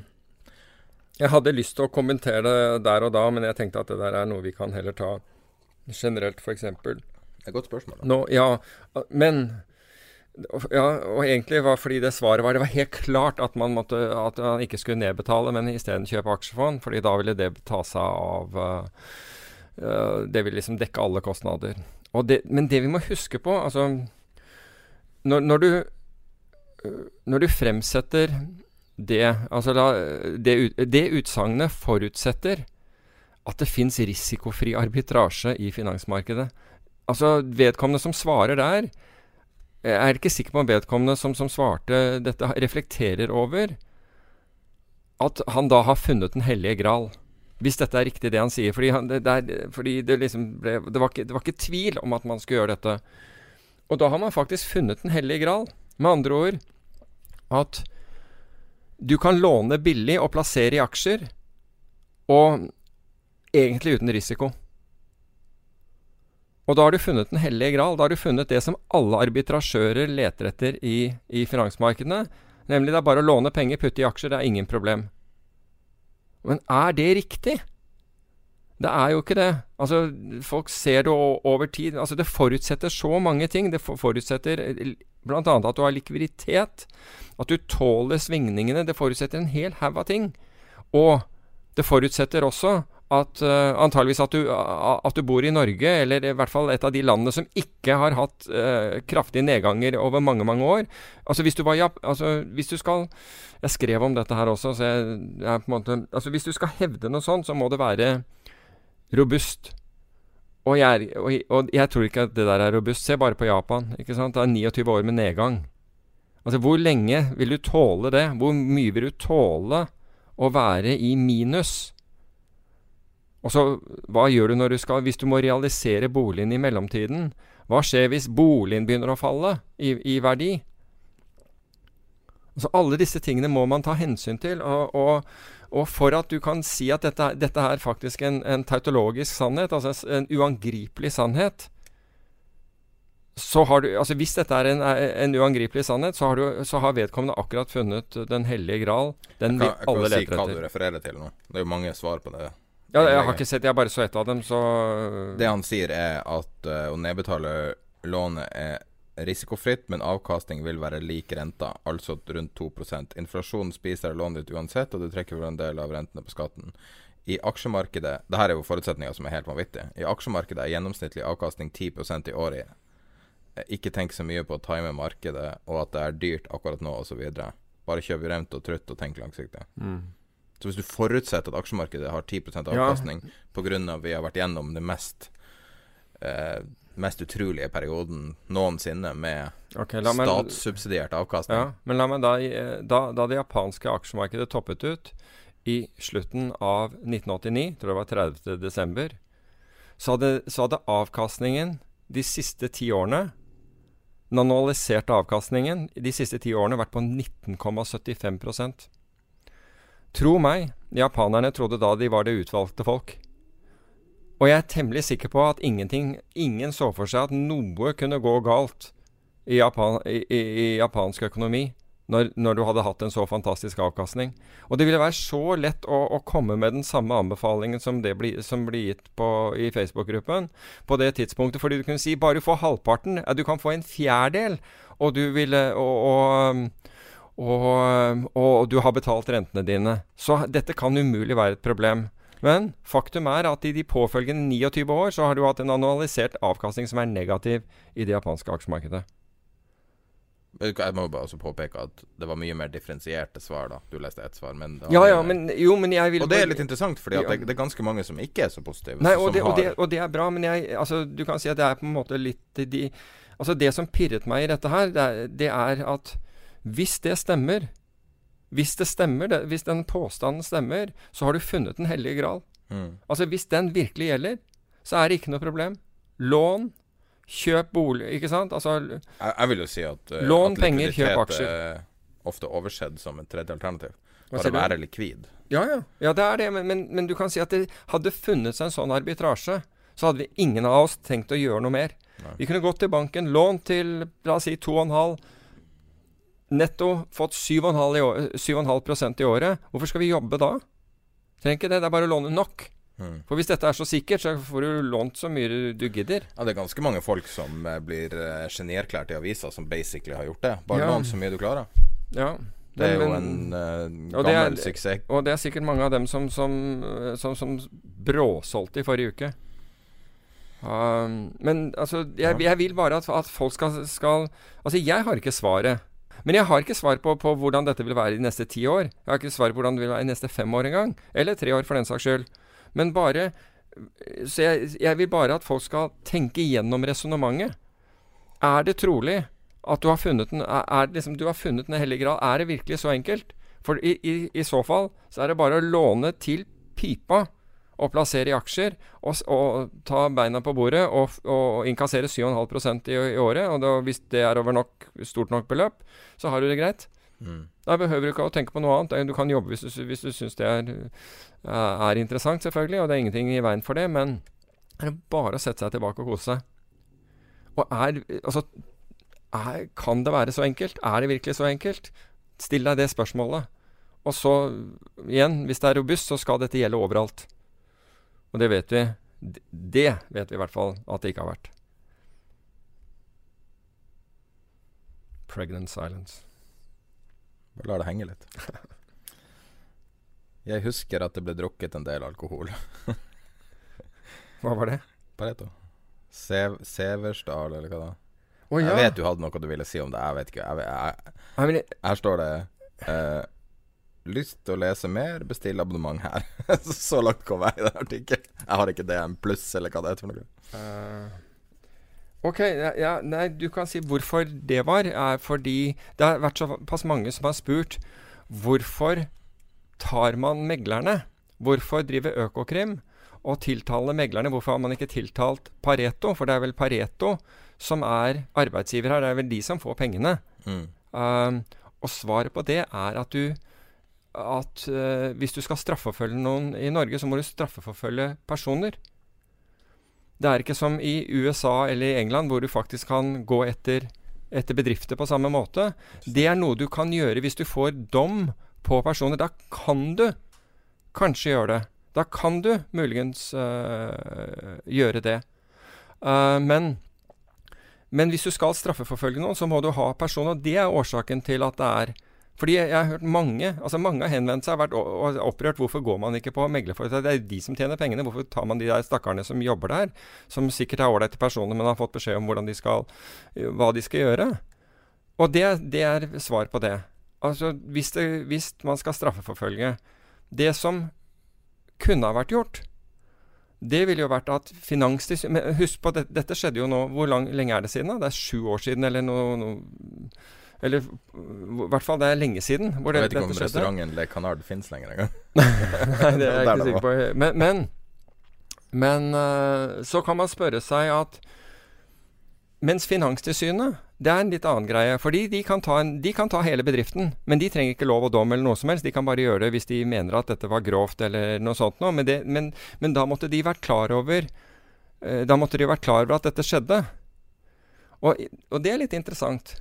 Fordi en av vitnene, en av de såkalt, altså, som da ikke blir såkalt, men han blir faktisk fornærmet i saken, en av de som har da tapt millioner på dette her, altså en av de opprinnelige investorene i Var det Crew det var, dette her? Tror det. Et eller annet sånt. Crew, den crew-saken. nei, nei, nei, hva var det de hva var det, hvilke, Hvilket selskap gjaldt dette her? Som Har- har ikke det en pluss. Nei, ok. Spiller ingen rolle. Men i hvert fall en av, en av de som satt i, i aksjen, da. Han gikk til Finanstilsynet. Han gikk nemlig til Finanstilsynet, og de kunne ha reagert. Men de fant ingenting de, å reagere på. Så, og, og han var jo dum, fordi han gikk til Finanstilsynet. Hadde han gått til pressen, så hadde antakeligvis Finanstilsynet gjort noe med det. Men fordi han gikk direkte, så, så ble det ikke gjort noe med. Uh, og så er det én annen morsomhet. Eller en, en, en annen eh, en annen ting som er, eh, som er interessant i eh, den saken. Og, og, og det er altså dette, Jeg vet ikke om dette her er en sak for eh, For påtalemyndighetene, eller om uh, om det er andre som, som bør inn. Altså om myndighetene når det gjelder forurensning bør inn her. Hva, hva heter de som, som steller med det ja? i, i myndighetene? Altså fordi det som er litt, litt påfallende her, er at uh, er, er at du har eh, disse som har vært med på det fra Altså de vitnene som har vært. Altså de vitnene som har, har vært fra Pareto, der har du vært der har de hatt store problemer med å huske ting. Jeg har vært i Pareto-rettssaker før. Oh, ja, det er ofte veldig vanskelig å huske ting. Ja, og da, og da tenker jeg liksom at, at uh, her burde vel Hva heter det altså miljømyndighetene inn? For, for det, mye kan tyde på at det er altså Miljøgift eller Ja, noe. at altså man har, man har jo tidligere sett på sånn a- a- asbest er det ikke, asbestsanering, men her bør du begynne å se kvik kvikksølvforekomster altså, i den der bygningen de er i. Ja, der kan det godt hende at det er noe sånt noe. For det er, det er påfallende grad av amnesia hos, hos vitnene der, syns jeg, som har, som, har, som har jobbet i, i selskapet. Så miljømyndighetene må antakeligvis på banen, eller i hvert fall burde komme på banen. Jeg tror det finnes ingenting som er mer tilfredsstillende enn å høre en person si 'jeg husker ikke, jeg vet ikke, jeg husker ikke', og så får du høre opptaket på telefonen som han ikke vet ble tatt for det var inne i et møterom. Oh my god, det er tilfredsstillende å høre på. Ja, det er mulig. Der du får høre innsidehandel på tydeligst mulig språk, men det er en annen sak, da. Men det var akkurat samme Ja, men altså, jeg, jeg, har, jeg, har, ikke fulgt denne i, i, retten eller noe, men jeg har bare sett den, den omtalt. Men jeg syns det var på en måte Men det er en god forklaring? Ja, jeg syns at det var en veldig grei forklaring. Altså nettopp dette her at du må At det er enkeltpersoner. Og så i neste omgang gang, kan man eventuelt gå på, på selskapet, men, men, den kan er, Der har visst Høyesterett avsatt noen, noen, dommer som det skal faktisk litt uh, my, mye til. Det var ikke det i USA han uh, Mitt Romney som sa 'corporations are people, buddy'? oh, ja, okay. Men det, mens, i, mens, i, USA altså Se nå, Kreditt eh, Suisse fikk 10 millioner dollar nå nettopp i, i bot for å ha tatt retail-ordrene sine, altså folk som kundene, og, og sourcet til, til en, en algoritme som da rippet dem off. Men det kan en, altså det, det kan en navngi norske meglerhus som gjør noe til, eh, tilsvarende, som selger flowen sin. Og jeg ja, vet ikke om de informerer kundene om det. Ja, men altså, det er ikke nødvendigvis galt å, å, å, selge, selge, flow. Det er altså, ikke noe galt. Men, men, men, men, det gjør ikke så mye å, å miste Nei, men, du kan si at ja, fordi om du selger flow, så Altså Noen ganger selger man flow til folk som, som utfører bedre, marketmakere som gjør en bedre innsats, og som er villige, og som trenger flow. Så det er, det er ikke tendensiøst å selge flow altså, i, i, seg selv. Men hvis du vet at du selger det til noen som ripper altså, Og det Altså, de fikk 10 millioner dollar i bot fordi det var påvist at, de, at, de, at Credit visste at, de måtte, at disse her betalte mer. Hvorfor kjøper du Flow hvis du ikke skal bruke det til noe jo, for eh, hvis du er marketmaker, så trenger du flow. Ja, okay. ja absolutt. Så, så, flow er verdt noe for, for en marketmaker. Men altså, det bli, altså, du kan kalle deg marketmaker, men du kan være predator likevel. Altså, det du, kan være, si du kan være, men, men Hedging er trading i banker, liksom. De kaller det hedging, og så, så, så har de en svær, en svær proppdesk in disguise. Det er litt det samme. Ja, det kan være. Altså, det, er jo ingen som er en sånn godhjerta marketmaker lenger. Nei, men, men, du kan si at vi, det verste som er, hvis du er marketmaker, er, er å ikke ha tilgang til flow. Altså Enten fra nok, nok børs, børsflow eller, eller, hva det måtte være. Flow gjør at du kan stille skarpere uh, priser, fordi, fordi, akkurat som det var før i, i, tiden i USA, hvor du hadde spesialisten Du ser, du vet hvor ordre ligger, så du vet hvor mye risk, uh, mye risk, du tar. Du vet at ok, hvis jeg får for mye her, så kan jeg legge av mot den der. Hvis markedet faller, så har jeg gode, store ordre på det nivået som kan, som kan hjelpe meg å, å, avlaste risiko. Fordi det, det, er, det ligger limit-ordre der. Er London Metal Exchange fortsatt uh, open outcry? Eller har de slutta med det nylig? Nei, jeg mener at, eh, at ringen fortsatt gjelder. Ja. Jeg mener det. Er ikke det, det er sånn som 80 av, uh, av uh, si, prissettinga? Altså litt, litt, litt Altså, du har spesialister på Nyse også fortsatt. Og du har jo, Men jeg vet ikke hvordan stor rolle de spiller, annet enn å være statister. Nei, nå, nå tror jeg det er Superdot og, og sånt noe som, som gjelder. Altså, de, uh, men London Metal Exchange vel, har vel en litt mer tradisjonelle rolle. Ja, men du har, du har ikke spesialistfunksjon. Du har ikke, eh, altså det sitter jo Du, du sitter i, uh, i, ringen der, og jeg har stått der inne selv. Altså, men er det ikke ekte, er det ikke ekte kjøpere og selgere? Jo. Sett? Jo, altså, men det er megler, representert ved meglerhus, ja. ja, det men, ja. men, det er real, det, real volume, på en måte? Altså. Ja, det er det. det, er det. Sånn at, eh, at det markedet er jo mye mer gammeldags. Altså metallmarkedet er vel mer lengre tilbake. Sikkert med vilje også. Jeg kan tenke meg at de Ja, men alt går, alt går elektronisk, ikke sant. Alt går mer eller mindre elektronisk. Men Jeg hørte et tall at de satt noe sånn som 80% av ja, priser. Men, jo, og det kan godt hende at man gjør. Men, men, uh, men ta f.eks. Cobby, som, som, handler i 24 timer. ikke sant? Det er greit at det, du har LME-handel, men det handles jo Det handles i New York kobber også, ikke sant. Så det er ikke bare London som handler kobber nå. Aluminium handles andre steder. Olje handles mange steder. Så Nå er vi over en time her. Skal vi kjøre litt sånn uh, Sånn kjapp gjennomgang av de siste ti temaene våre? Ja, det kan vi godt. Jeg har Ja. AIEQ har spreaden, altså outperformancen i forhold til SPI, som ja. heter en Altså, da har du kunstig intelligens ETF-en. Ja, SPI er SMP 500-indeksen, ja, og AIEQ er da en, en, et fond som bruker uh, kunstig intelligens, artificial eh, intelligence, til å forsøke å slå den. Ja, den bruker den der IBM uh, Watson, ja. tror jeg. Og det har gjort bra. Bedre gjort... og bedre.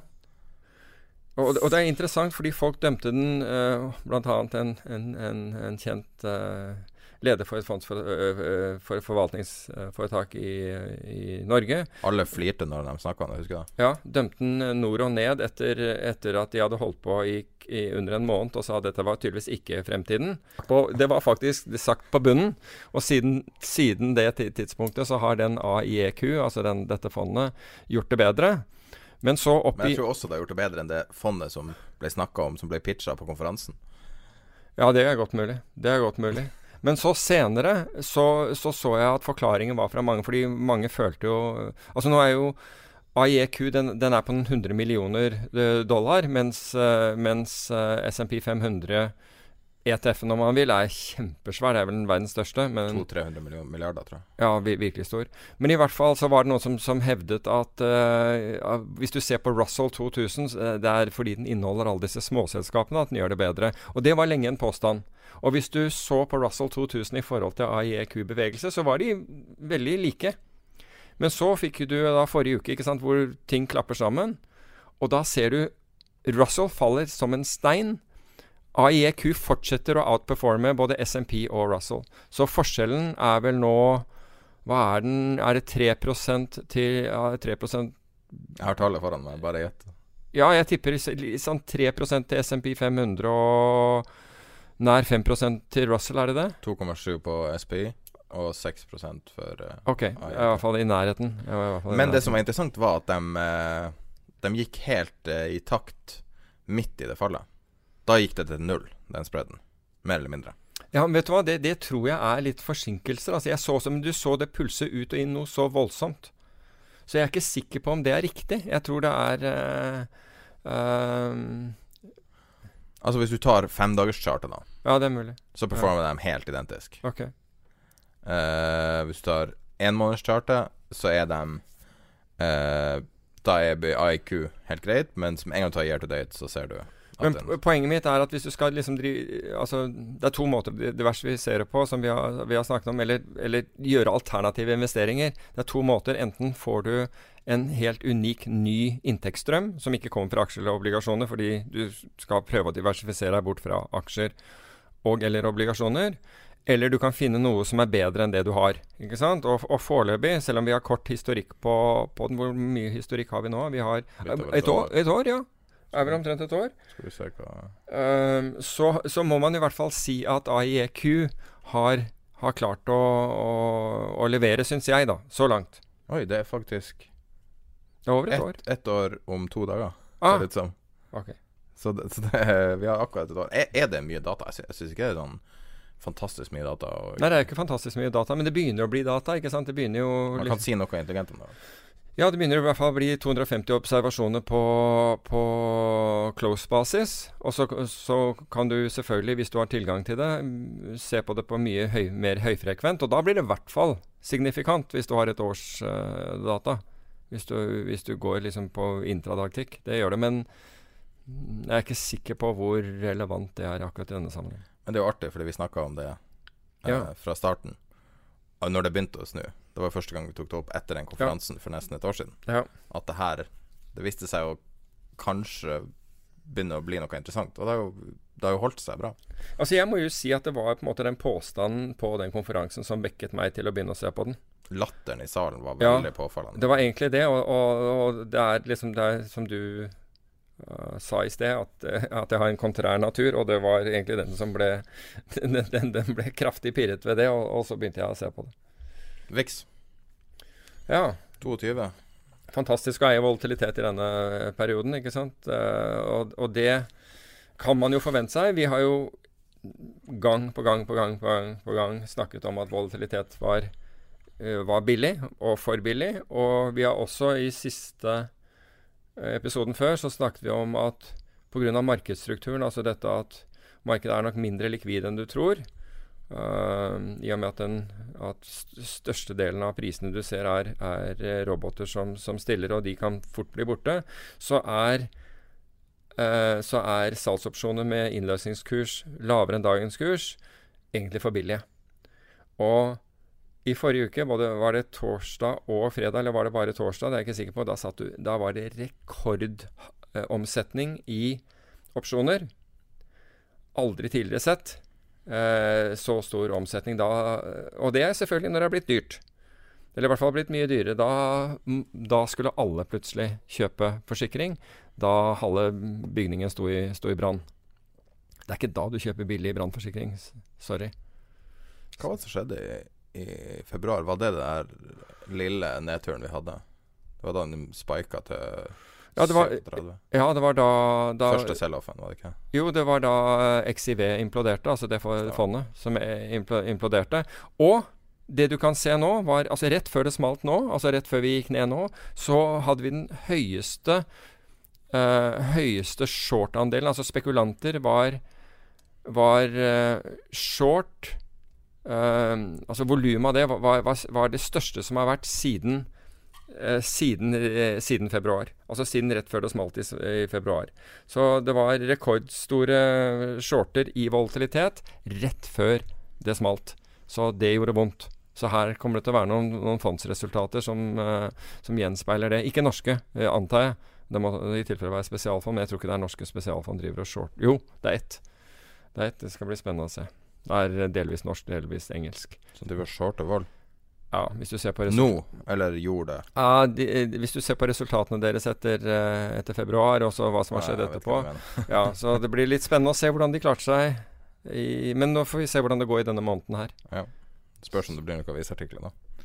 Eh, jeg så en artig ting på Twitter rett før vi starta nå. Bare var inne og sjekka. Det var en som sier eh, Larry Kudlov, han, eh, han TV-mannen som nå er blitt en eller annen sånn En eller annen offisiell talsmann for uh, finanspolitikk for uh, Donald Trump, som så drev og prøvde å snakke opp aksjer midt Ja. oppi fallet. Sier han Larry Kudlov uh, going on TV couldn't stop the market from selling off, but you know who did? Og så er det bottom-ticken så kommer det JP Morgans uh, Kolanovic. Ja, Marko Kolanovic. majority of systematic selling is done. Og det var snupunktet. Og det, Ja. at, det er en interessant observasjon, for det er virkelig der makta ligger. Altså. Al Ja. Algofolket til de store bankene. De Ja. vet nøyaktig hva som skjer. Ja, de ser jo, ikke sant. De, ser, de, de bruker jo JP Morgan, særlig de, JP Morgan er den antageligvis den mest Altså av bankene er, er jeg uten tvil den mest avanserte på teknologi. Det som ikke har funka så bra, som vi har snakka om tidligere, er Goldman sin uh, hedgefond VIP-opplegg. Nei, for den har vært kraft... Ja, den har fulgt av det som hedgefond har gjort, og det- har jo vært Facebook og Google og alle disse disse aksjene i den, bl.a. Netflix, så den har antageligvis ikke gjort det så godt. Det, det, jeg har ikke sett på den. To, to års opptur er viska bort. Så basically siden start. To års opptur? Ja. ja, det er voldsomt. Det er Virkelig? basically tilbake til 100 der det starta. Wow. wow. Så En annen ting som har skjedd, er for øvrig at eh, USA har tiltalt noen for spoofing igjen. Og Det er litt interessant. Spoofing er når du legger inn ordre hvor, eh, med, med den hensikt å manipulere markedet. Uh, og sist, altså den eneste som er blitt tatt for det og dømt for det, er da uh, han Navinder Singh Sarao etter Flash Crash i 2010.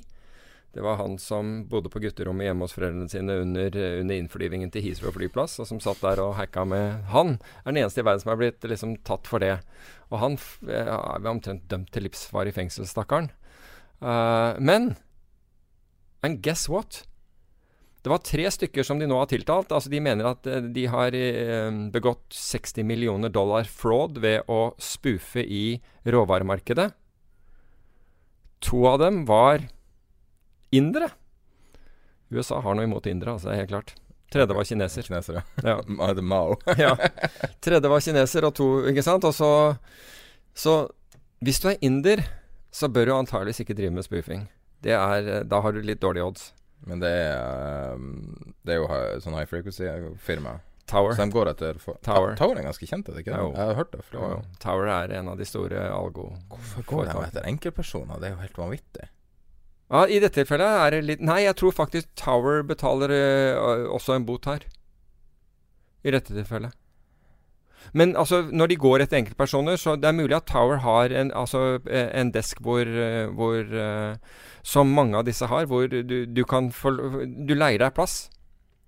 Du leier deg plass på, på, på desken, og så er du ikke Du er ikke Tower-ansatt, men Tower trenger å overvåke deg. De må jo overvåke alle sine eh, tradere, og det er veldig vanlig ute at det finnes eh, slike desker. hvor du kan leie deg en plass, og så betaler du en viss øh, øh, avgift til, på handler til, til foretaket. Og noen ganger får du, får du kapitalstilt også. Eh, det, er påfall, det er påfallende at de, at de går etter enkeltpersoner med tanke på hvor mye Altså Man kaller det spoofing og ping Altså Ja, Jeg vet ikke om spoofing og pinging er det samme per Nei for, nei, for pinging, det er, pinging er når du sender øh, Altså da, da, da Det er reelt volum. Ja, ja, men du sender minimum tikk, ikke sant? Altså Ja. La oss si at uh, det ligger uh, 100 kontrakter på, på selgekurs, og så skyter du inn eh, Så, så kjøper du én for å, se om, for å se om de andre 99 blir, truk, eh, blir trukket. Hvis de andre 99 blir trukket, så er det en algo. Hvis den blir stående, så er det en reell ordre. Ja.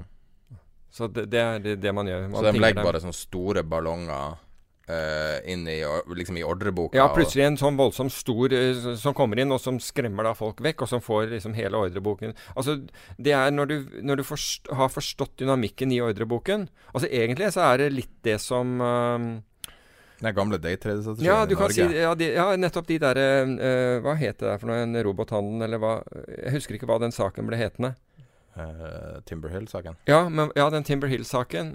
Men ble den kalt robotsaken, eller hva? Liksom. Hvor man lurte, såkalt lurte roboten. Uh, og, og det er klart at du manipulerer markedet. Det er ingen tvil om at du manipulerer markedet. Men, og heller ikke at de gutta gjorde det. Men altså mitt argument i det der var at hvis vi tillater maskiner å gjøre det, så må vi også tillate eh, mennesker å gjøre det. Derfor så mente jeg jo at de burde frifinnes. Hvis du sier at ingen kan gjøre det, da må du ta altså de som står bak ma maskinen også. Det, det er på en måte helt fair. Men du avleser at hvis du gjør sånn, så forandrer markedet seg sånn. Og så bare så, altså, Og dette gjøres ved statistisk analyse. Uh, altså mye, mye mer komplisert nå enn det var da denne robotsaken eh, var her i Norge. Men uh, og, og det de har gjort, er faktisk å gjøre det. Altså De skyter inn en ordre som får markedet til å forandre seg, og så tjener de penger på det. Mm. Kortsiktig. Saudi-aksjer, ikke at det er noe spesielt stort marked egentlig, men Saudi-aksjemarkedet er 10% på to dager. Ja. Det mest interessante der sånn er jo at Saudi har, har jo da tidligere, altså i over et år, eh, vel over et år, er vel halvannet år nå, eller er det snart to, laget livet veldig surt for Qatar. Angivelig eh, som følge av en Twitter-melding var det som, som ikke hadde blitt sendt fra Qatar likevel. Men det fikk jo da Var det virkelig det som trigga det? Ja. Jeg trodde det var masse sånn terrormistanker. Nei, nei, nei. Og så begynte man å bruke Qatars forhold til Iran og mange andre ting. Men i hvert fall da hadde man sagt A, så da fikk man Emiratene med på, på Saudis side. Og gjorde virkelig livet surt for Qatar når det gjaldt, eh, når det gjaldt økonomi og handel.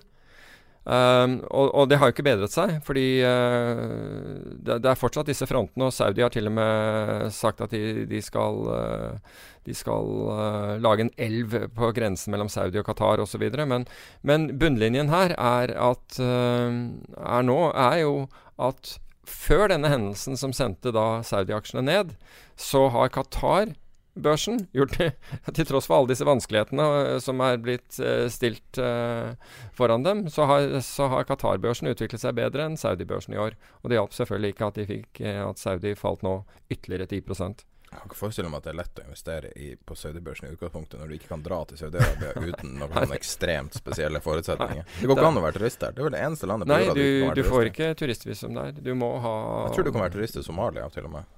Det kan kan du. Ja, men Det kan ikke, du. men ikke i Saudi-Arabia. Det må vel Ja. Kanskje no, Jo, Nord-Korea kan det være men, også. eh, ja, eh, ja, ja, det er mulig. Men det er ikke noe for Tro meg. For jeg kjenner noen som hadde et stempel i passet fra Somaliland. Og det er ikke Somalia, bare så det er sagt. Men prøv å Prøv, prøv å komme det. Jo, Somaliland. Men, men prøv, å komme, det, altså, det, prøv å komme inn i USA med et stempel fra Somaliland i passet ditt. Det er ikke enkelt. Fordi det er liksom sånn Somalia. Um, det Ja. Aldri hørt om det før. 3,5 millioner innbyggere i Somaliland. Ja, ja. Wow. Men uh, ja. Det er en selvstendig start inne i Somalia. ja da. Men det er selvstendig, og den, den er på en måte Den er ikke i konflikt med, med, med noen. Men uh, Og du kan fly til, så ja. Ja, men, det, men det sier litt om hvor isolert Saudi-Arabia er. At det det ene, mer eller mindre det eneste landet du ikke kan besøke uten å være basically invitert av staten. Ja, det er uh, Så jeg skjønner ikke Penger kan jo ikke være lett å få overført dit. Har aldri forsøkt. Aldri forsøkt. De har jo et bank, banksystem, men det er vel sharialov som, uh, som gjelder, så Ja. ikke regn med renter. Nei, nei ikke med renter. Ehm, er du bekymra for det som skjer?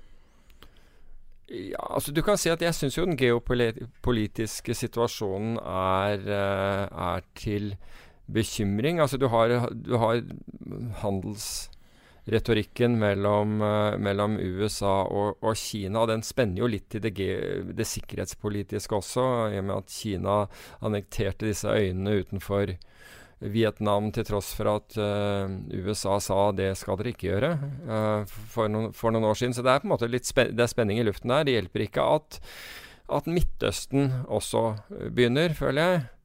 Um, så ja, men liksom det, det, blir jo, det, blir jo, som dråper i en bøtte. ikke sant? Du vet ikke når, når ting renner over. Det er ikke noe der ute som du kan sette fingeren på virkelig vil få uh, sørge for liksom, at noe går ordentlig gærent. Men du så jo at uh, Saudi svarte jo at hvis USA gikk til noe som helst tiltak i forbindelse med denne Jamal Khashoggi-saken, så, så, ville den bli møtt med mottiltak fra Saudi-Arabia.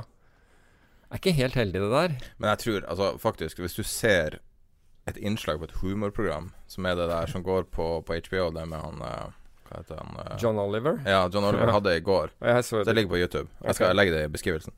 Uh, hvis du ser hvis du, Jeg, jeg gidder ikke å lese alle de sakene, her, for å være helt ærlig, men hvis du ser det innslaget der, så får du et inntrykk av at uh, det er no way in hell at USA kommer til å ha noen konsekvenser mot uh, Saudi-Arabia. Det kommer ikke til å skje. Når du ser du, du, bare, du kan lese hele situasjonen bare med å se. Nei, jeg, altså jeg, Det kan nok være, men hvis du ser på den andre Donald siden Trump respekterer penger. Første land han besøkte, var Saudi-Arabia. Nettopp. Og, og den derre store armstil, arms deal, uh, altså våpenhandelen Jeg tror ikke han er interessert i at den blir reversert. Ja.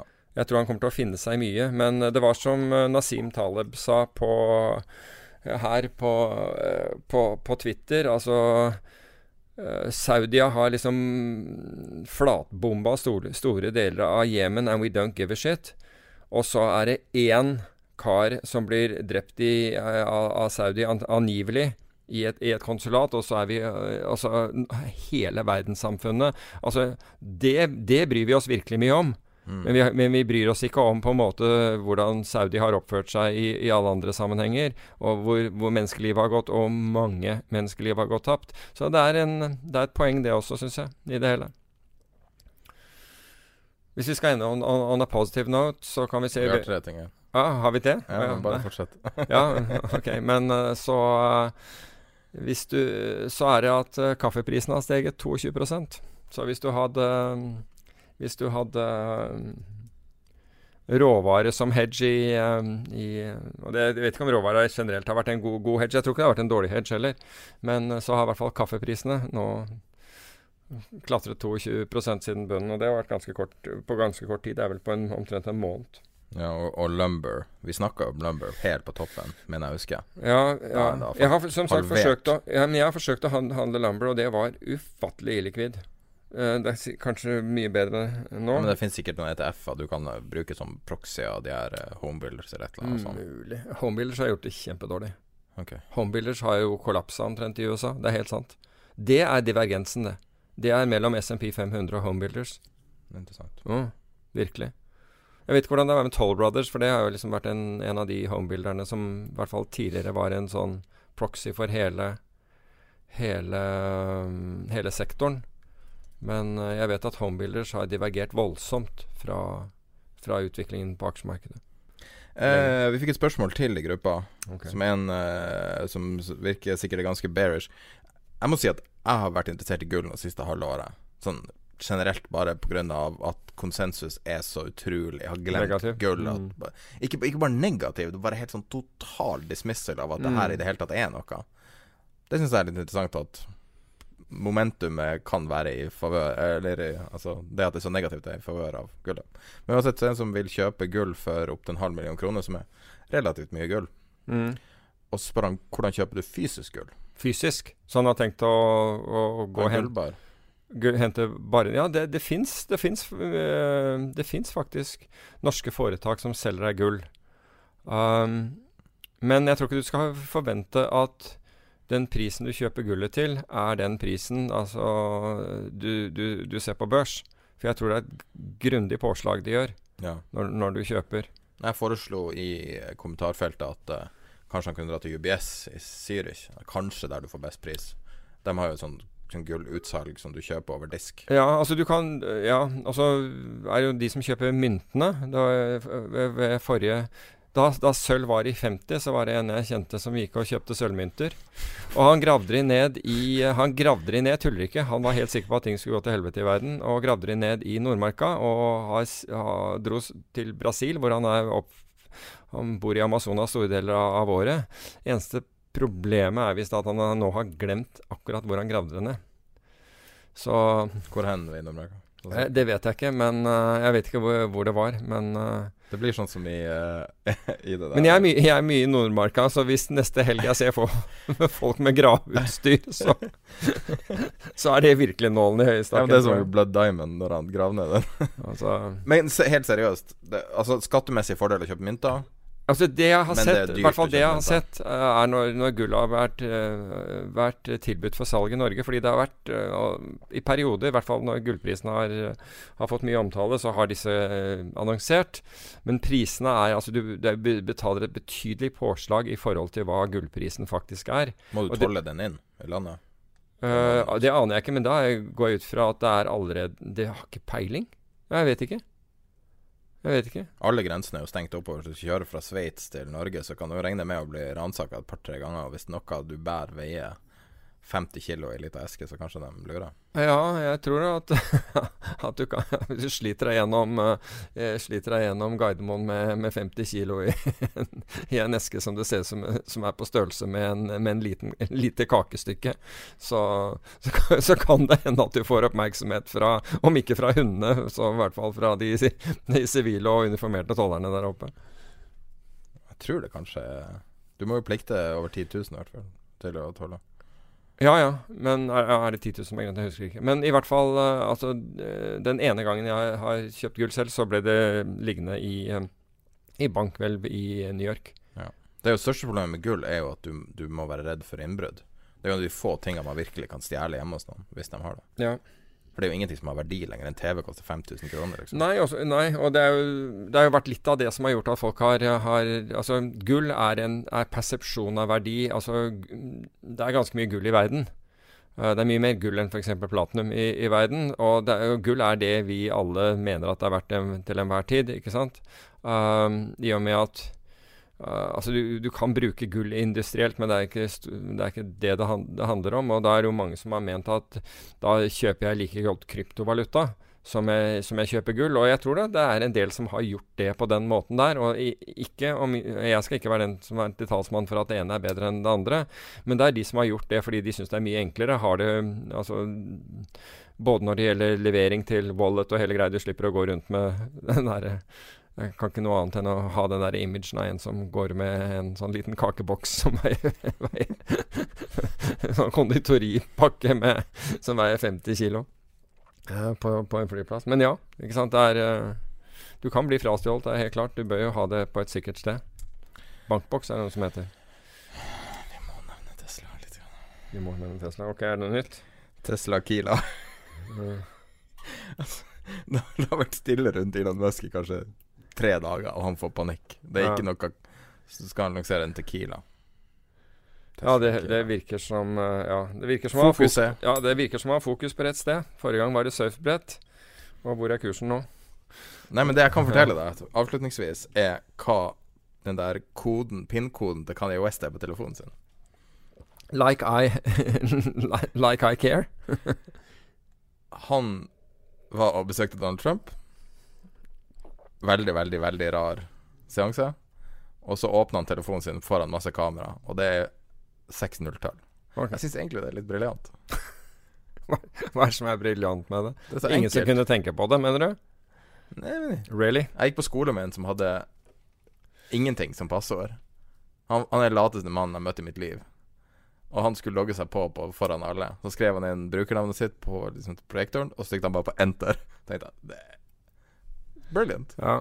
Hva, det var Men, liksom det eh, sikkerhetsnivå. på Men det. var noen som Det det var, det var i, i forbindelse med noe En av fortalte Eller det var vel i forbindelse med en dokumentar hvor lang tid NSA bruker på å, på å åpne telefonen din uten å vite, vite koden. Og jeg husker ikke om det, der, om det var målbart engang. altså, så fort gikk det. Men kan jeg få lov å Vi, vi snakka litt om Jeg, eh, jeg tipsa deg om en eh, TV-serie som jeg har lyst til å tipse alle om. Noe dere garantert ingen har hørt om. Det, er, det her har gått under radaren i årevis. Det finnes en episode av en TV-serie som er det beste jeg har sett. Og jeg har lyst til å bruke denne kanalen til å promotere noe helt urelatert til finans. Det jeg sendte deg. Hvilken var det? Den som heter Inside Number Nine. Å ja, jeg har ikke kommet så langt så, som jeg har fått sett den. Har, Jo, du har sett den. Nei. Du sa du hadde sett den. Nei, jeg, jeg så den Nei, jeg, jo, jo, jo, du sa det. Du, du henviste til innholdet. Nei, det er 30 den- minutter langt klipp. Hva sier du? Å ja, var det det den het? Ja, TV-serien heter Inside Number Du må ikke si Nei, det. men Så Inside Number ja, okay, Nine, fordi jeg trodde epi- den- sesong to, episode to. Tw- eh, 12 Days of Christine. Ja, ok, jeg, jeg forsto ikke at det var en del av det. 12 Days of Christina. Det er det beste TV Ja, så jeg. TV-øyeblikket jeg har sett. Og du virka som du likte det også. Ja, altså, jeg må innrømme at jeg, jeg forsto Ikke si noe. Ja, ok. Så jeg vil bare- bruke det her Ja, men hvis du skal se publikummet som er på, på størrelse med Ullevål stadion ca. Ja. Ja. og så promotere det her du- obskure tingen som jeg oppdaga ved en tilfeldighet for en stund siden. Men hvis du skal se noe som er hysterisk morsomt, da Mm. så, Men den er på Netflix. Det er, Flix, det er en serie som heter Better Call Saul. Og så ser du på sesong to, episode to. Okay. Der er det et forhør. Politiet som gjør et forhør som er insane morsomt. Absolutt uh, insane morsomt. Ja, kom igjen. Kom med flere forslag. Nei, jeg, jeg, altså det er ikke ofte jeg, jeg ser ting som jeg virkelig liksom sånn Nei, jeg bare tenkte på Men jeg vet ikke om jeg har det Jeg har jo så mye sitater, men uh, Jeg vet ikke om jeg har det sitatet, fordi uh, på Netflix så går jo eh, eh, Går jo eh, Er en film om Edward Snowden. Um, og det ender med altså, Eller helt, helt mot slutten Altså Edward Snowden som avslørte den ulovlige overvåkningen i, uh, i USA. Og de, man drev jo overvåkning av, av egne borgere, og det har man ikke lov til, annet, og, og mye annet. Men da Edward Snowden Jeg vet ikke om folk husker den, hva, hva, som skjer, for dette er, jo, dette er jo fra virkeligheten, ingen tvil. Men han, han dro til Hongkong. Og så dro Og så fløy Guardian journalister over til Hongkong og intervjuet han, og sånn begynte denne, denne avlyttingsskandalen. Men når de er ferdig med dette, så, så har jo da det blitt kjent hva som foregår, og han vet at han kommer til å bli jaktet på. Og da, da, da sier en av journalistene, eller da den journalisten snur seg til han og sier altså, Hvorfor Altså, det er jo ingen oppside eh, for deg å gjøre dette her. Uh, så, så liksom hvorfor han um, hvor, hvorfor, han, hvorfor han gjør dette her. Og da sier han I don't have to worry about what happens tomorrow because I'm happy with what I've done today. Jeg syns det er bra. Snakk om å leve i nuet. Er helt fantastisk. Jeg håper han er håper si, Han er like lykkelig der han sitter nå i, i eksil i, i, i Russland. Ja, er han i Russland fortsatt? Ja, så vidt jeg vet. Snakk om å gå fra Ja. Altså pest eller kolera. Jo, men, altså, jo, men det, dette, altså, da, da tror du virkelig på saken. For det var ingen oppside. Han, fikk, han ble ikke betalt for dette her. Det var ingen oppside. Han bare mente at det, det som skjedde, var riv ruskende galt. Og det har jo da historien vist at det også var. Og, men jeg syns uansett at det var et veldig, veldig godt sitat eh, Ja. av en som virkelig tror på det han, eh, det han gjør. Snakk om å ha skin in the game, da. Herre Ah. fred. Da kan du snakke om å ha skin in the game. Siste spørsmål. Mm. Er du mer bekymra for Saudi-Arabia enn at Putins popularitet faller i Russland? Nei, jeg er ikke mer bekymret for Saudi-Arabia enn det. Putin er Altså, når, når populariteten faller, så Ja. Ja, nei. Er, eh, geopolitisk sett så er jeg mer bekymret for uh, populariteten til Putin. Altså effektene det kan ha. Absolutt. I Polen så er de ute på grensa, ungdommer, og trener på innovasjon. De Mm. venter, de er så klar for det. Det er sånne paramilitære styrker der. Jesus Christ. De da får du testa Nato. Ja, ja. Det er bra spesialstyrker i Polen, faktisk. Mm, ja, det hjelper ikke hvis det kommer en milliard Nei mennesker Nei, over det. grensa. det gjør ikke det. Men de har altså bare det, det er, De har høy kvalitet på troppene sine, og, og spesielt på de. Så, en lystig avslutning på podkasten. til slutt så skal vi snakke med Erik Hansen fra IG Markets. Når vi har snakka med deg før, så har vi snakka en del om et produkt fra IG som eh, kanskje litt sånn underkommunisert, som heter garantert stopp. Eh, kan du forklare litt om, om hvordan det funker, hva det koster, og så ikke minst i hvilke produkter det er tilgjengelig, for det er vel tilgjengelig i de fleste produktene, men ikke i alle. Eh, og, og en type spørsmål er kan man gjøre det i enkeltaksjer, kan man gjøre det i norske enkeltaksjer, kan man gjøre det typ over helga? Hvordan, type, hvordan fungerer det? Mm. En, en garanterad stopp er egentlig en försäkring att eh, garanterat komma ut till ett visst pris. Eh, en vanlig stopploss kan ju vara, det kan ju bli slippage. Om inte priset handlas på det priset där du vill liksom gå ut då. Så, så har, har du en stopploss på, på 100 och inte priset handlas där så kommer du inte komma ut på 100. Men en garanterad stopploss hos IG garanterar att du kommer ut på den nivån. Så IG kommer stoppa ut dig oavsett om inte priset har handlats där. Eh, Och eh, kostnaden är, du betalar ingen avgift eh, såvida inte stoppen triggas. Om stoppen triggas så betalar du en liten extra spread. Eh, Och den här extra spreaden kan man då se som en eh, försäkringspremie. Eh, Och du kan ju då lägga den här garanterade stoppen på alla typer av produkter. Det kan vara så att vissa mindre eh, illikvida aktier inte erbjuder den här garanterade stoppen. Då. Men eh, på majoriteten av aksjene kan du legge en garantert stopploss. Og da er det også en eh, minimumdistans der där du må legge den.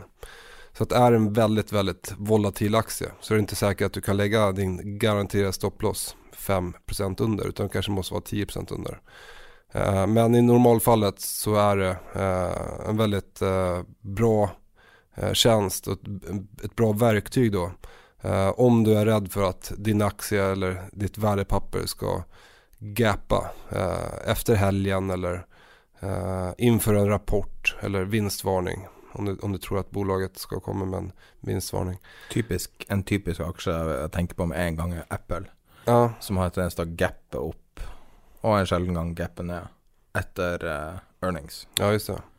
Ja, då kan du då, om du har en position i Apple, om du ligger lång, på en uppgång eh, och sen vet du att uh, Apple ska rapportera på måndag till exempel.